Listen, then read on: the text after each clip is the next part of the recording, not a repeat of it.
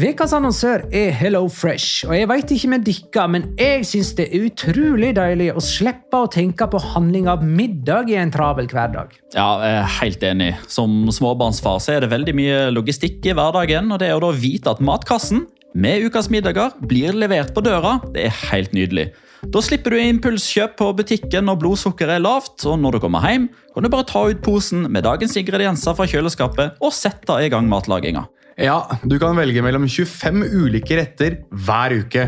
Og de har faktisk en egen kategori som heter Raskt og enkelt, med masse enkle og gode oppskrifter. Veldig greit å ikke måtte ty til takeaway hver gang det er hektisk på jobb. Jeg gleder meg spesielt til sterk chilikylling i min neste kasse. Jeg blir sulten bare av å tenke på det. Ja, Det er ikke feil med bacon og cheeseburger heller, da. Og det som også er bra, er at matkassen koster det samme hver uke, som gjør det enklere å holde matbudsjettet. Ja, og så blir det ikke matsvinn heller, fordi du får akkurat det du trenger til hver eneste rett. Hello Fresh kan absolutt anbefales, og bruker du koden vår, LIGALOCA, kan du få opptil 1779 kroner i rabatt på de fem første matkastene hvis du ikke har prøvd Hello Fresh tidligere. Du kan også prøve koden hvis du har avslutta abonnementet ditt for tolv måneder siden eller mer. Gå inn på hellofresh.no og bruk koden LIGALOCA. Bon appétit! Hallo? Jeg kommer fra Oslo politikammer. Ine Jansen er purk. Er du purk? The motherfucking bitch. Alt jeg vil, er å finne ut hva som skjedde med mannen min. Jon Carew. Er jeg sikta for noe? Iben Akeli. Det er du. Ole So, Lars Berrum og Big Daddy Karsten. Hvem sin side er du på, egentlig? Anette Hoff, Tone Danielsen, Kommer du fra Afrika? Jørnis Josef, Nesten. Kløfta. Trond Espen Seim. Det er synd å si det, men det var feil mann som døde. Purk. Premiere tirsdag på TV2 Play.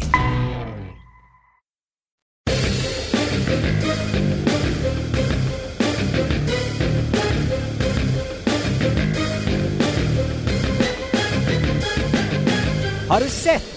Real Madrid har fomla og snubla i La Liga, men storlag som Paris Saint-Germain kan de slå. Er det så enkelt at Champions League får det beste ut av Real Madrid? Og kan Atletico Madrid vinne Europaligaen? De leder 2-1 til pause i København, der vi har satt oss på tribuner med Urban Crew og 40 000 dansker. Det er fullstendig La Liga Loca i parken. La liga loca. En litt gærnere fotball. Riktig velkommen til en ny eksklusiva med La Liga Loca, kjære lytter. Med meg, Magna Kvalvik. Hei. Og du, Petter Wæland. Hei. Hei! Og du, Jonas Giæver. Hei. Hei. Vi har inntatt pressetribuner i Parken i København for å følge andreomgangen mellom FC København og Atletico Madrid, der Atletico Madrid altså leder 2-1 til pause. Vi skal gå i dybden på denne kampen her, men vi må òg snakke om andre lag som har spilt i andre spanske lag som har spilt i Europa denne veka her. F.eks. Real Madrid, som slo Paris Saint-Germain onsdag kveld 3-1 på Santiago Bernabeu. Men vi kan vel først oppsummere førsteomgangen av FCK Atletico Madrid og uh, føle litt på Formulere litt stemningen her, uh, Jonas, for den er ganske formidabel. Ja, dette er noe av det absolutt eh, mest fantastiske jeg har vært med på eh, i Skandinavia. Altså København, eh, FCK-supporterne var eh, en fantastisk det er de som er Urban Crew, by the way. Ja, det er de som er Urban Crew. Det er de du hører i, i bakgrunnen her. De eh, har, har vært så høylytte hele kampen, med en fantastisk mosaikk før kampen startet. Har sunget, danset, hoppet og egentlig holdt oss litt i live her. For dette været som pågår akkurat nå, med sludd og regn og hagl og alt annet mulig dritt fra himmelen. Men eh, FCK-supporterne og god fotball har holdt oss i live hele de 55 minuttene vi har vært der hittil. Nothing beats the sight of Copenhagen by night. Store um, over Urban Crew rett før um, avspark. Hva syns du om førsteomgangen, Petter? Jeg syns det var veldig gøy at eh, FCK skåra først. Først og fremst fordi da fikk man den stemninga, den jubelen. eh, Den eh, hemningsløse la oss gå bananas-følelsen rundt oss. Det var veldig, veldig gøy å se. Men det var jo som den danske studioeksperten på Kanal 5, som har rettighetene her nede, fikk det med meg i pausen når jeg var inne og henta kaffe, at han sa at det var den minst fortjente ledelsen han noen gang hadde sett for Atletico Madrid burde jo ha skåra i hvert fall én gang. De kunne ha skåra tre før FCK skåra. Så til slutt så ble vel tingene litt eh, som normalt og som det skulle. Men jeg syns det var veldig gøy for opplevelsen sin del å få den første FCK-skåringa. Dette er jo eh, to lag man skulle tro var bedre enn Karabakh. Eh, og likevel så er det Karabakh som har felt begge lag i årets eh, Champions League. FCK røk mot Karabakh i playoffen, mens Atletico bare klarte å spille to uavgjort-kamper mot dem i gruppespillet. Men Ståle Solbakken er jo blant de som vurderer Atletico Madrid som favoritter til å vinne Europaligaen sammen med Napoli. Og Det var vel det vi var inne på på mandag eh, i ordinær episode òg, Jonas? Ja, jeg eh, ser at eh, Napoli har tatt ledelsen 1-0 hjemme mot RB Leipzig. Det er helt etter oppskriften. Jeg tror at de kommer til å gå hele veien. Jeg tror Atletico Madrid kommer til å være med veldig veldig lenge i turneringen, de også, selvfølgelig. Og det jeg har sett her i dag, er det er noe solid over dem. De, de slår tilbake selv om de får en i fleisen. De jobber, de maler på. Eh, og de har sett mer offensive ut enn det vi har eh, lært dem å kjenne denne sesongen i, eh, i La Liga. Så jeg tror at det er en Diego Simione som har kommet hit for å, for å ødelegge og for å egentlig gjøre ferdig dette dobbeltoppgjøret allerede her i København.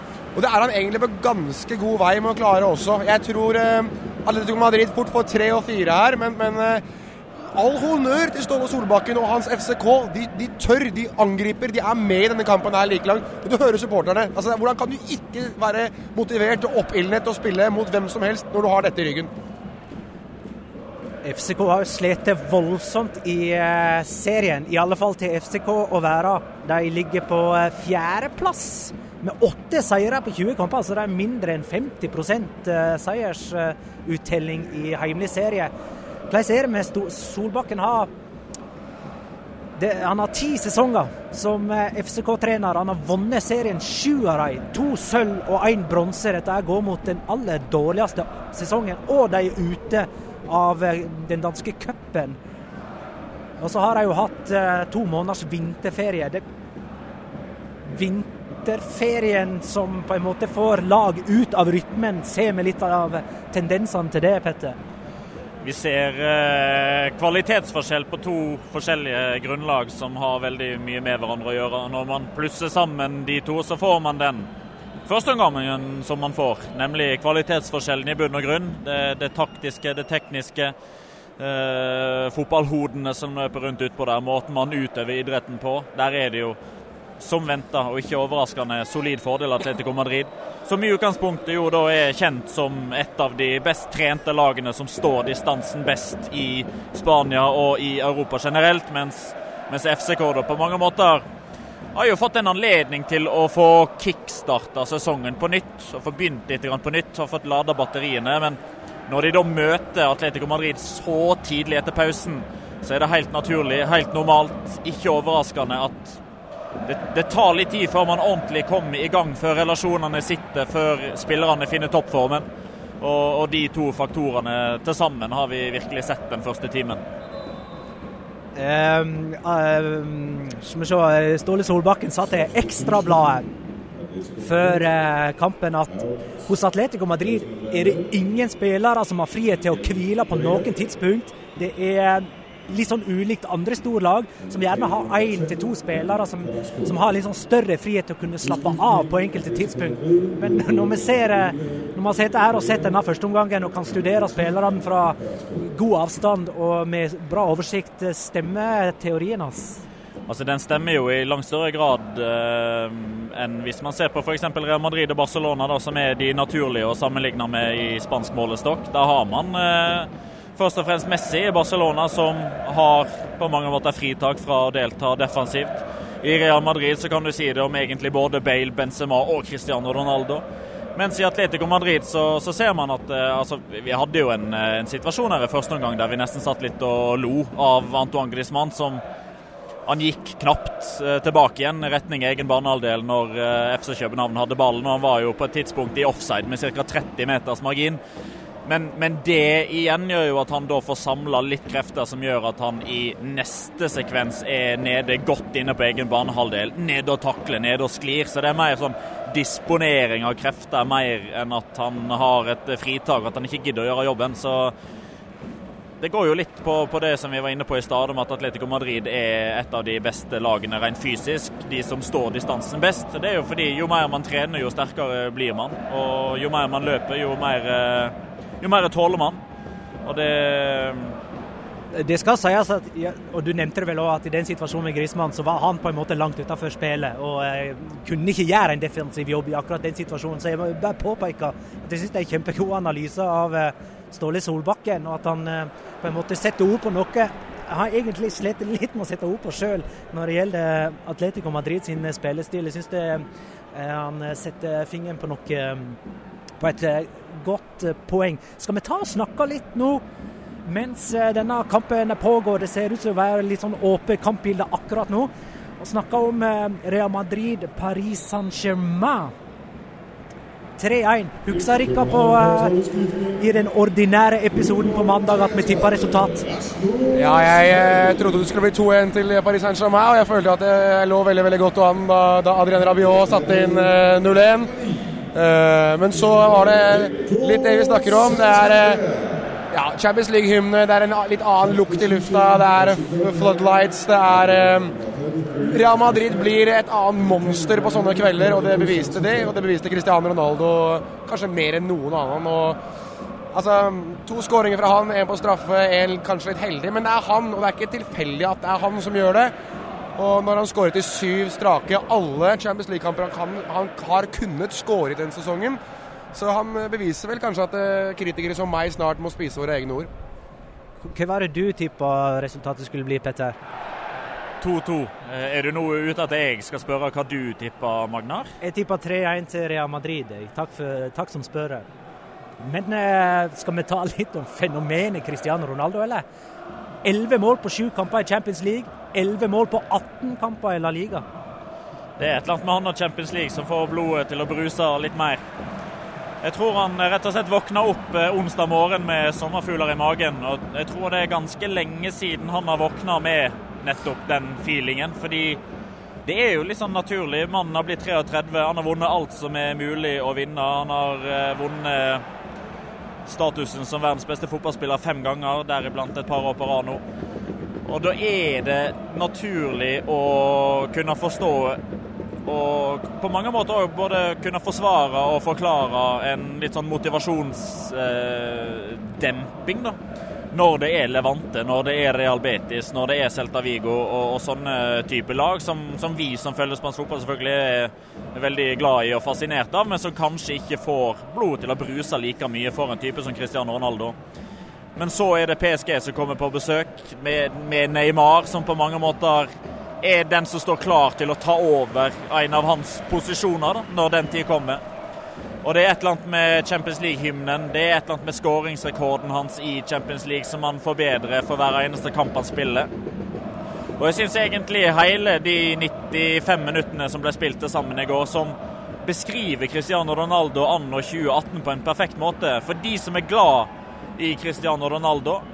De kan slå seg på brystet, de kan uh, vise fram kampstatistikken. De kaller fakta og sier at han ble helt avgjørende. Han skåra to av tre mål. Han svarte på tiltale. Han viser igjen at han, han er den avgjørende faktoren nok en gang i en veldig viktig fotballkamp. Men samtidig så kan de som er kritiske til Cristiano Ronaldo, fortsette å være kritiske til han og si at ja, men det var straffe, og han ble han ble skutt på og skåra to tilfeldige mål. Og det, er, For min del så oppsummerer det egentlig Cristiano Ronaldo, som er en type som man enten må like eller ikke like, tilsynelatende. Um, du var ganske skråsikker på at det kom til å bli BBC i angrepet fra start. Jeg trodde at Lucas Vasque skulle få tillit på bekostning av Bale, og så ble det Isco på bekostning av eh, Bale.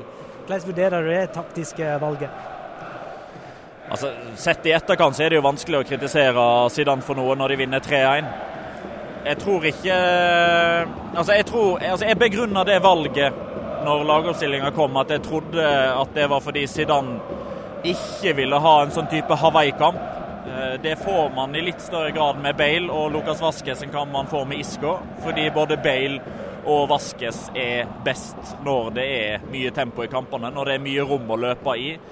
Når man får utfordra gang på gang, der man enten risikerer å Eller der man enten forsøker å ta seg forbi og får en pluss i boka, eller så utfordrer man å miste ballen og får minus i boka, kanskje en kontring imot. Mens Isco er mer ballsikker, som kanskje drar ned tempoet litt i fotballkampene, men noen ganger så trengs det òg. Jeg tror Real Madrid i den forfatningen de var i før kampen, ikke var tjent med en sånn typisk Hawaii-fotballkamp der både Neymar og Mbappé fikk masse rom å, å boltre seg i. Så jeg, jeg fant vel egentlig ut at det, det blir på mange måter min vurdering av Zidane sitt taktiske valg. At han kjørte Isco fordi han ville ha mer kontroll på ball. Han ville ikke ha Hawaii-fotball. Men eh, kan det òg være en forklaring at det var liksom med Isco eh, på laget at eh, Real Madrid under Zidane fikk det der kvalitetsløftet etter å ha slitt litt sånn innledningsvis, f.eks. For forrige sesong, at eh, det er Han går tilbake på en måte til den, til den formelen han lykkes med da han vant både La Liga og Champions League. Ja, jeg vil, jeg vil mene det. Uh, I den kampen her så vil jeg også påpeke at jeg synes eh, Marco Ascencio kommer inn og endrer et kampbilde på en slik måte vi ikke har sett på på veldig veldig lenge. Det er jo mange som har stilt litt uh, spørsmål rundt hvorfor han ikke spiller. Uh, og de gangene han har spilt, så har han kanskje ikke vært like utslagsgivende som vi har sett tidligere. Nå fikk vi endelig se litt av det igjen, så det kanskje ikke bare er Cristiano Ronaldo som trengte litt den lukta, den følelsen av at det er Champions League-fotball igjen. At det, det er her sesongen skal reddes. Så jeg synes uh, å sette ham inn på, på den venstre siden sammen med Marcelo, doble på kamp der. Veldig enkelt, men et veldig effektivt grep. Og et grep som på veldig mange måter ble avgjørende for Real Madrid i denne kampen her. Jeg synes også valget av Isco er, er, gjort av en litt annen grunn. Og det er det at eh, hvis Paris Saint-Germain på noen som helst måte skulle kunne kontrollere banespillet, så bryter Isco det opp med at han, som Petter sier, er konstant interessert i å ha ball. Han mister veldig sjelden ball. og Samtidig så har han også en, en historikk mot en spiller som f.eks. Marco Verratti. Han har eh, tidligere altså, lekt med Marco Verratti eh, på Santiago Bernabeu i, i eh, privatlandskamp mellom Spania og Italia. Og Det er en slags fryktfaktor der, kanskje, da, vil jeg tro. Så, så, valget ga egentlig mer mening, men jeg hadde ikke tenkt over det før kampen. eh, Eller før kampen. Jeg trodde det skulle bli BBC, jeg også. Jostein T spør oss hva tenker vi om returoppgjøret. Oh, det blir moro. For da må PSG angripe mer enn hva i hvert fall jeg trodde at de måtte gjøre etter de første 90. Fordi jeg trodde jo som sagt at det kom til å bli 2-2. Og at når kampen eh, blir satt i gang i Paris om tre uker, så, så er det Oi, nå er det en eh, skade her på hvem som ligger nede. Det er eh, Jannik Ferreira Carasco som ligger nede. og Veldig mye vifting med armene fra Atletico Madrid-spillerne. og ja, Det så vel ikke så stygt ut, men det ble gjort veldig mye ut av det her nå. Men uh, Petter, du snakket om uh, å måtte gå i angrep. Det er det, det, det, låter veldig veldig bra i ørene til enhver fotballelsker å vite at et lag som Paris Saint-Germain med det angrepstalentet de har, må framover i banen. Det låter enda bedre når vi vet at Real Madrid er kanskje verdens beste kontringslag når de først får i gang. Altså det Gleder vi oss til den første kampen, så kommer returoppgjøret til å bli krutt, dynamitt, fyrverkeri og alt annet som kan eksplodere. Darjan Jovanovic spør oss. Real Madrid sin 'clap your hands back-to-back Champions League'-vinnende trener versus PSG sin bind for øynene coaching-trener. Hvem vant kampen i kampen? Hvorfor blir Zidane slakta som trener av La Liga Loca, mens f.eks. Simione blir hylla for å være bajas på sidelinja? Skal, skal vi ta spørsmål én? Hvem vant kampen i kampen av Zidane og Emeri? Den tapte Emeri. Det vil ikke si at Zidane vant. Jo da, det, men det sa jeg, det sa jeg i sendinga etter kampen òg. At uh, altså, jeg er blant de som, som, har vært, og som fortsatt er. Jeg syns ikke den kampen i går endrer det synet man skal ha på Zidane. Uh, fordi det er ikke nødvendigvis uh, Her siterer jeg faktisk deg, Magna. Det er ikke nødvendigvis sånn at hvis man gjør bytter som blir utslagsgivende, så er man et geni. fordi Hvorfor hadde man da ikke starta med de spillerne, f.eks.? Så det er ikke noe automatikk i det. Jeg står fortsatt for at Zidane har store mangler som taktiker på sidelinja. Så er fullt klar over at han har vært en av verdens beste fotballspillere i sin tid. Playmaker, overblikk som få andre, pasningsfot, guddommelig teknikk og alt det der. Men det er stor forskjell på å ha det ute på banen når man er der, og det å stå på sidelinja og vurdere andre fotballspillere. Men han har blitt bedre, han kommer til å bli bedre. Det er ingen som lærer mer av den situasjonen som Real Madrid har vært i og er i nå, enn Zidane. Dette kommer han styrka ut av. Det er det ingen som helst tvil om. Og er 3-1 i parken. Antoine Griezmann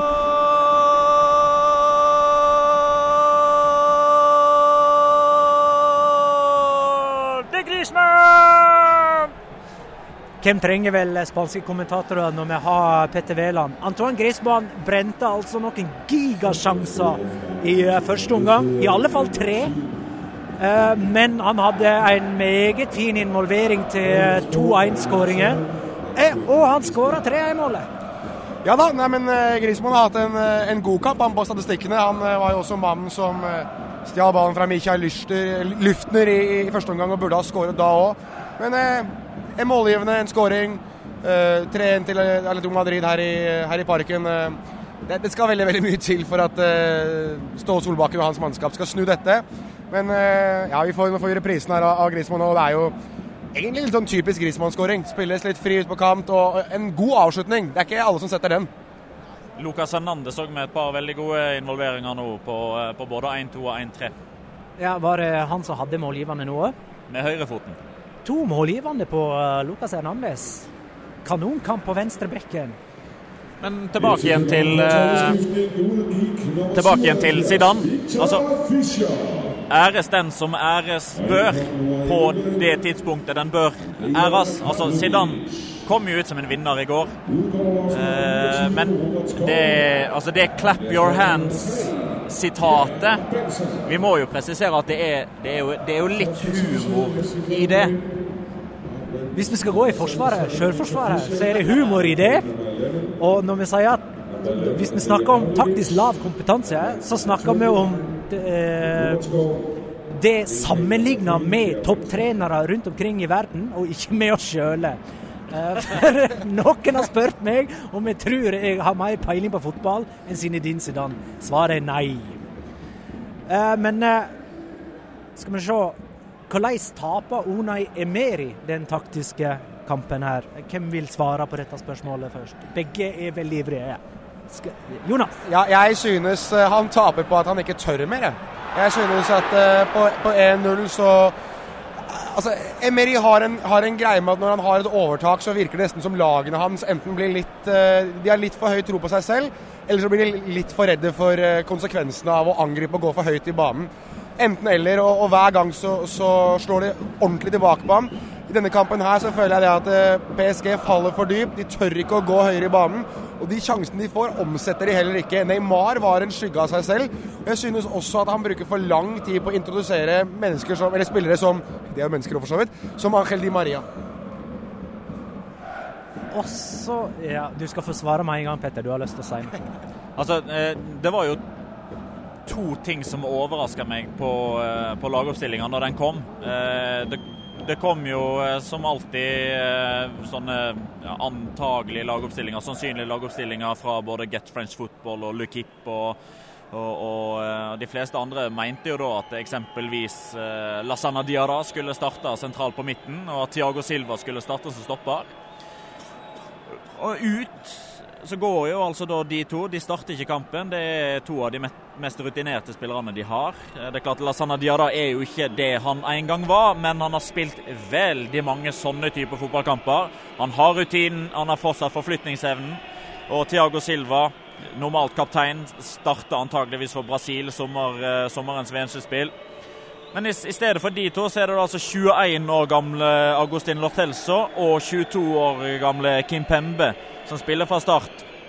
Og det har jeg òg sett at veldig mange som følger fransk fotball, har vært veldig kritiske til Emeri, spesielt når det gjelder Lortelso, fordi han er i utgangspunktet ikke anker på samme måte som Thiago Motta er, på samme måte som Lasana Diarra er. Han er en litt mer offensiv type som ikke, som ikke dekker de samme rommene. Og han kom jo tidlig litt i trøbbel med det gule kortet som han fikk. Eh, kanskje skulle man allerede da ha hatt eh, selvransakelse nok til å tenke at oi, dette her kan, dette kan bli skummelt. Fordi han skulle jo egentlig hatt sitt andre gule når dommeren da velger å blåse straffespark på Tony Cross. Fordi det er ikke kamp om ballen. Det er ren holdning, det er ren kynisme. Det er dårlig forsvarsspill. Eh, så når han da velger å gjøre de to litt sånn vågale valgene, og i hvert fall én av de, for, for så vidt òg to Jeg syns ikke Kim Pembe imponerer så veldig på, på verken 1-2 eller 1-3, selv om han på ingen måte skal gi noen form for skyld eh, til han på, på baklengsmålene. Men jeg tror eksempelvis at rutinen til Thiago Silva kunne ha spilt inn på en litt annen måte der.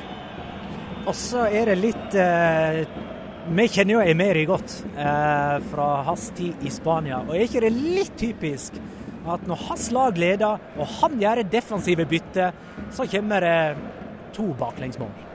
Jo, det er det. Det har vi sett flere ganger. Både, både med Sevilla og også med Paris Saint-Germain. Og, og Valencia. Ja, Valencia selvfølgelig. Uh, det er mye å plukke av der, for å si det sånn. Men jeg, jeg synes kanskje det, det byttet som for meg oppsummerer veldig mye av Emery, opp, oppsummerer veldig mye av hva som gjøres feil, er å ta ut en sånn Cavani og sette inn på Thomas Meunier. Altså for all del. Uh, jeg liker Meunier veldig, veldig godt som høyreback, men i Kavani så har du en, en, spiller som jager fra fronten, som kommer til å være med i presset høyt i banen, som kan også presse lavt i banen og vil løpe sokkene av seg i 90 minutter. Jeg ser ikke poenget. Og, og i tillegg til det også ha et oppspillspunkt. Få ballen så langt vekk fra mål, og der kommer du til å ha kanskje den spissen i verdensfotballen som jobber hardest for å vinne tilbake igjen høyt i banen. Jeg synes uh, han, han tar foten av gasspedalen i stor grad. Og Nå sjekket jeg igjen, for jeg er helt sikker, og jeg må rette meg selv. Han byttet jo aldri på Angel Di Maria. Så han hadde jo ikke engang en kontringsoutlet på noen som helst måte. Noen friske bein. En, en, en, annen spiller som hadde løpt sokkene av seg de minuttene han hadde fått. Så han har muligheter til å endre, muligheter til å gjøre ting som for meg virker logisk. Hvis det virker logisk for meg, så hadde jeg håpet at det virket logisk for han nå. Hvor kriminelt på en skala fra 1 til 10 er det å ikke sette inn på Angel på Valentine's Day? Ja. For å si det så i det, i det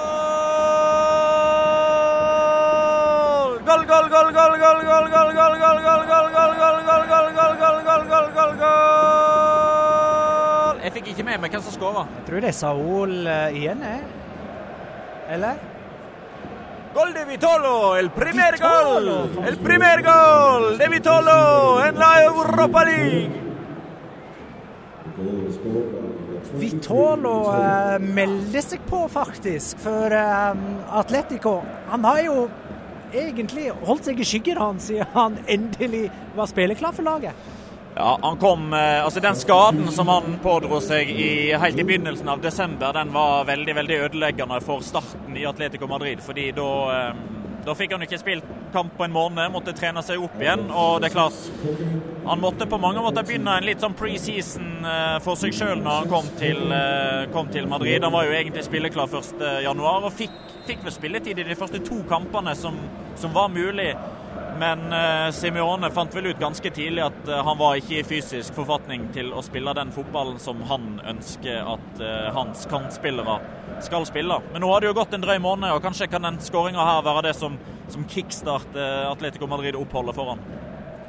Da er dette dobbeltoppgjøret avgjort. Det må det jo være, med 4-1 i parken for Atletico Madrid. Det er jo nesten utklassingssiffer, så det er mulig vi snakka snakker litt vel varmt om FCK litt vel tidlig, Jonas. Men eh, skal, vi skal ikke disse deg av den grunn. Eh, til, til, mitt forsvar så sa jeg at her kan det fort bli både 1-3 og 1-4. Men vi skal også si at idet jeg sa det, så sa jeg også det at jeg trodde Napoli kom til å kjøre over RB Leipzig. Der står det nå 1-2. Hvor mange av de normalt startende spillerne spiller fra start? Har de Mertens, har de Hamsik, har de Insigne? Ja, nei, for svaret, De starter med Hamsik. Men ellers er det lag som ser veldig reservepreget ut. Kajon på spissplass. Adam Onas, som har, har skåret, han starter. Ellers er det en del navn jeg ikke ville forbundet med, med det beste laget til, til Napoli. Så Det kan jo være at de, som Petter har påpekt tidligere, at de sparer litt spillere fordi de skal jage den Serie A-triumfen. Så det kan være at Petter, og du for så vidt også, Magnar, hadde litt mer rett og litt mer innsikt der enn det jeg hadde. For de må jo spille torsdag-søndag, de nå, må ikke de det? Eh, ta, uh, kan sjekke, kanskje, det kan jo hende de får mandagskamper i serien, det vet jeg ikke, men eh, det tviler jeg på. Eh, og da eh, Nei da, de skal spille på søndag, de. Søndag klokken tre mot eh, Spall. Og de ligger på nedrykksplass. ja, Søndag klokka tre til og med. Det er jo Så eh, de har jo eh, mer enn nok å henge fingrene i i eh, serien. Atletico Madrid har altså utnytta det faktum at eh, FCK ikke har verdens beste forsvar. Det er jo nettopp midtforsvaret til FCK som har blitt mest kritisert sånn i det siste. Eh, vi snakka jo så vidt her i stad om han eh, tsjekkeren Mikael Luftner som mista ballen da Grismannen eh, var alene med keeper og misbrukte en sjanse i første omgang.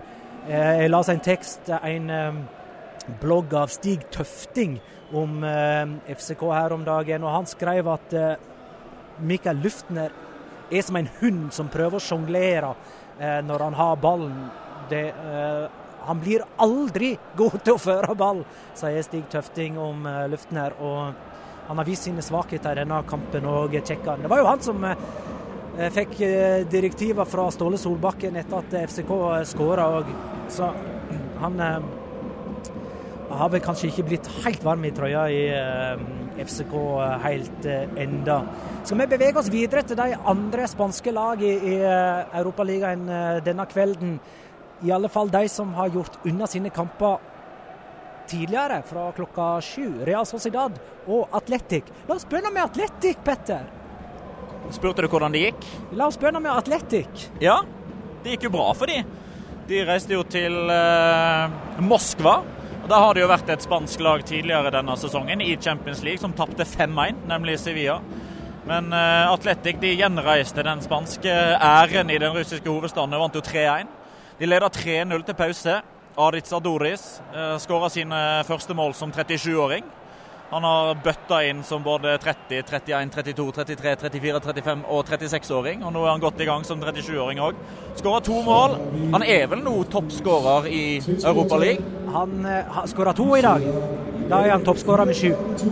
Og Mikkel Rico satte inn 3-0 rett før, eh, før pause. Veldig effektivt uh, Atletic-mannskap. De har tre skudd på mål, og alle tre ender jo da med skåring. Spartak har en form for kanonade retning Atletic-keeper Jago Ererin, men treffer veldig sjeldent innenfor de tre stengene. Og da, da er veldig mye av jobben gjort for Atletic, selv om, eh, selv om prestasjonene til løvene fra Bilbao på San Mames denne sesongen har vært meget meget svakt. De har jo knapt skåra mål på hjemmebane, men nå trenger de jo ikke det. De kan jo sågar tape 0-2 hjemme og allikevel gå videre. Eh, at de møter jo Atletico, de, faktisk på eh, søndag. To ferdigspilte lag i 16-delsfinalen etter alt å dømme, som da kommer til å hive alle eggene i søndagens kurv. Ja, men det, det er jo sterk, en sterk elver Atletico stiller med her, og det var vel en brukbar elver Atletic stilte med i Moskva òg. Atletic stilte med, med toppa mannskaper de hadde. De kan jo ikke bruke Inigo Martinez fordi han har spilt eh, Europaliga for Real Sociedad tidligere.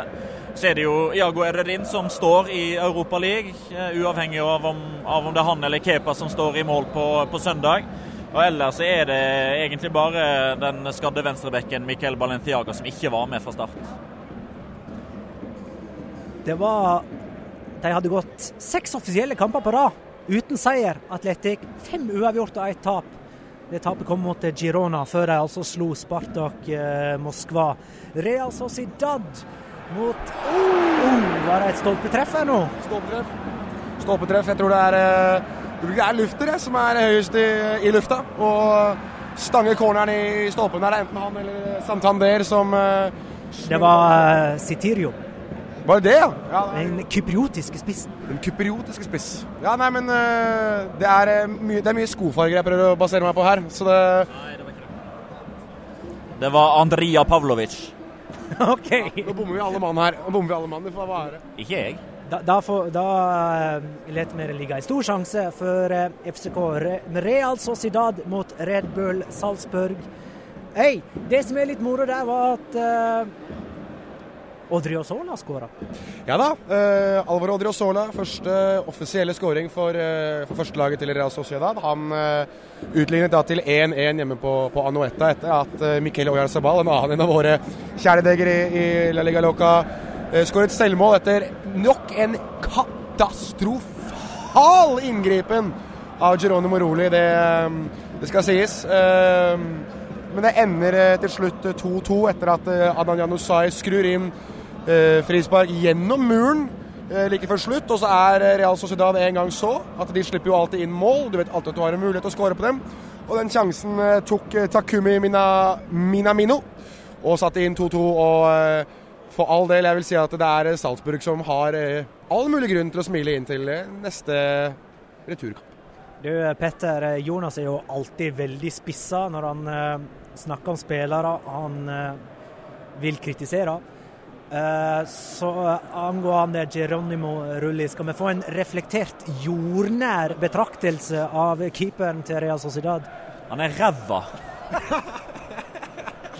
Nei da, altså, han, han har et toppnivå som er veldig bra. Problemet for han og dermed for det har stått i dag, er at han sjelden kommer opp på det toppnivået nå. Det virker som at han sliter veldig psykisk.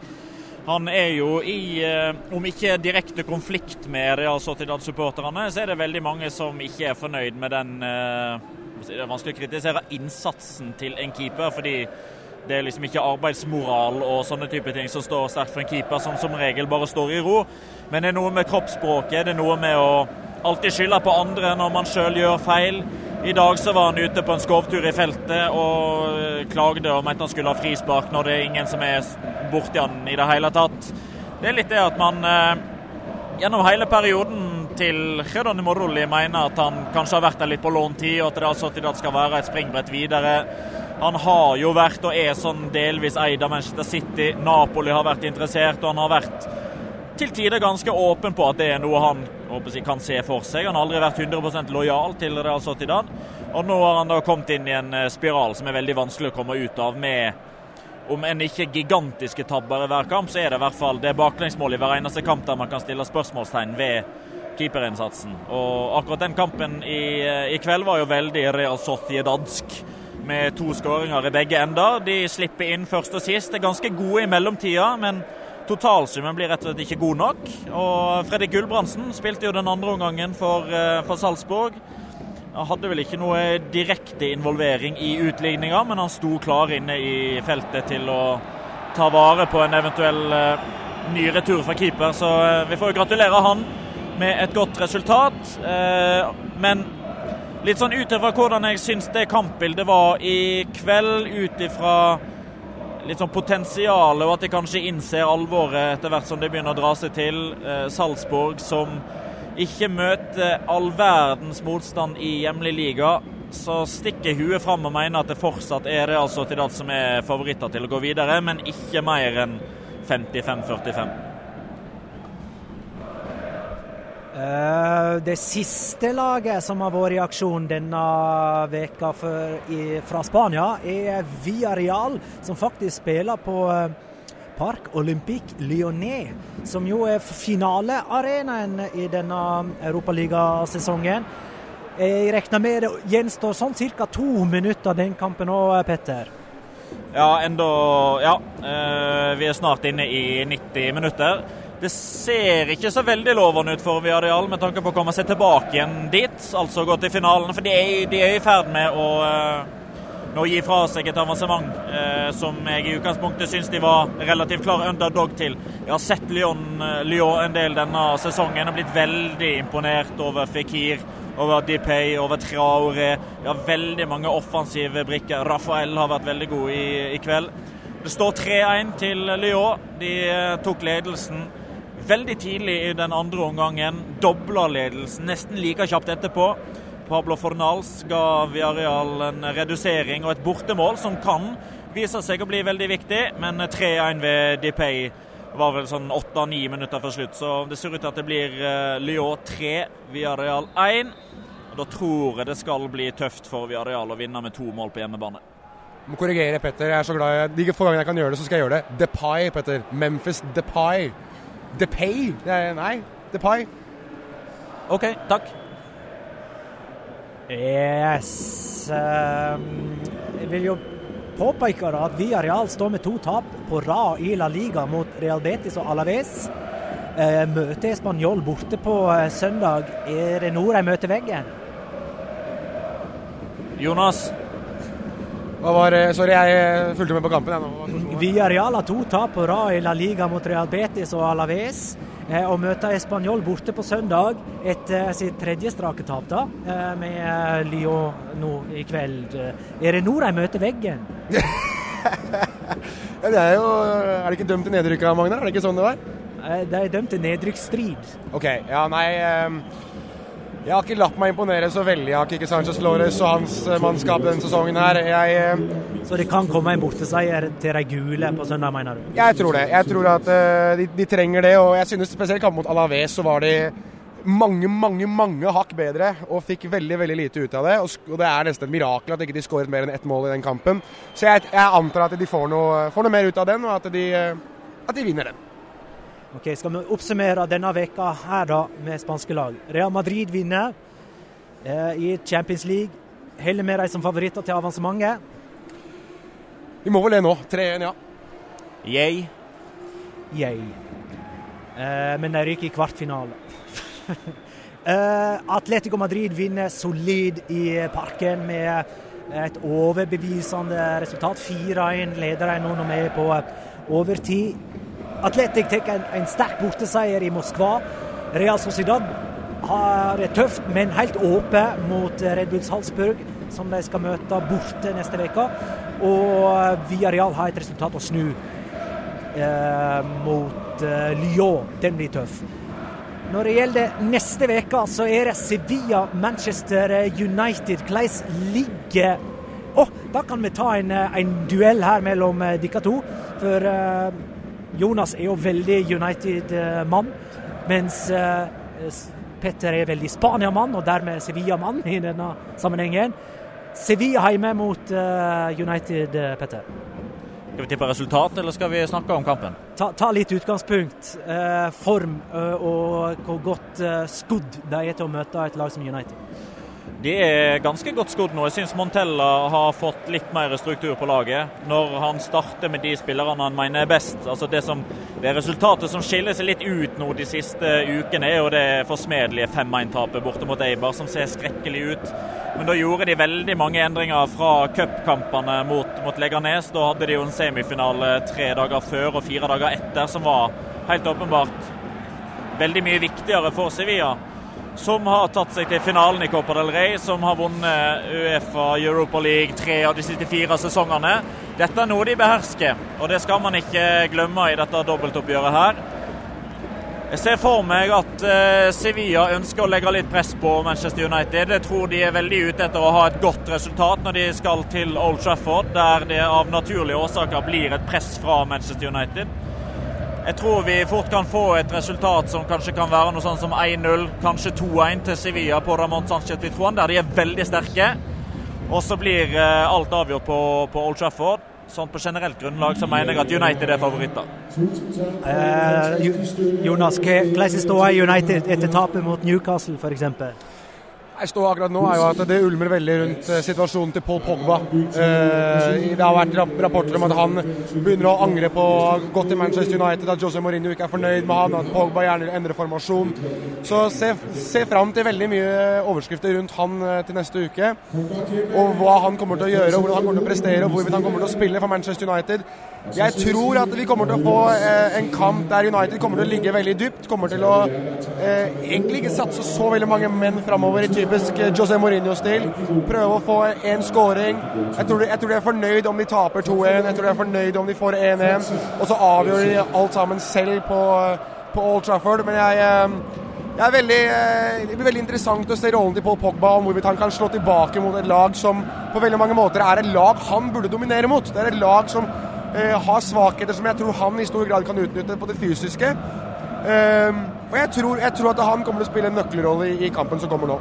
Og eh, bare sånn for å ha sagt det, her eh, har altså nå Atletico sleget FCK 4-1. Noen av FCK-spillerne står framfor eh, Urban, Urban Crew og hyller og takker dem for eh, støtten, for de har vært fantastiske. Vi må ta kort nå om eh, Barcelona og Chelsea òg. For eh, før denne sesongen, hvis vi skulle da få vite at Barcelona og Chelsea skulle møtes i åttendedelsfinale, hadde vi da sett for oss at Barcelona skulle være så store favoritter som de er nå? Nei, og jeg syns vel egentlig det er de siste to-tre månedene som har bikka det veldig i deres favør. Jeg syns Barcelona har vært eh, solid gjennom hele sesongen. Så hadde de et veldig oppsving i januar. Og da snakka jo vi i den vanlige La Liga Loca-episoden i studioet vårt at eh, da begynte de liksom endelig å virkelig imponere med 5-0 borte mot Betis og 4-2 borte mot Real Sociedad. Nå er de litt sånn tilbake til at de er litt på sånn reservasjonsgir, der man helt åpenbart føler at de nå er i posisjon til å eh, avgi et lite poeng her og der, fordi man fortsatt føler at man har en viss kontroll på førsteplassen i La Liga, selv om det nå bare er fem poeng ned til eh, Sju poeng ned til Atletico Madrid. Og så eh, Chelsea. Det er jo liksom der pendelen har svingt litt nå, der man før 3-0 mot West Bromwich tapte med til sammen seks mål mot var det Watford og Huddersfield, eller Watford og et sånt annet lag som de Bournemouth. Bournemouth. Som de vanligvis uh, har god kontroll på. Det ulmer litt rundt uh, Conte. Man er litt usikker på formen til Morata og den type ting. Så uh, i tillegg til at Barcelona da framstår fortsatt som veldig solide, så er spørsmålstegnene større og sterkere ved, ved Chelsea. OK, da takker vi for oss ifra kalde, snøfylte parken. Tusen takk for at du lytta, kjære lytter. Ha det, da.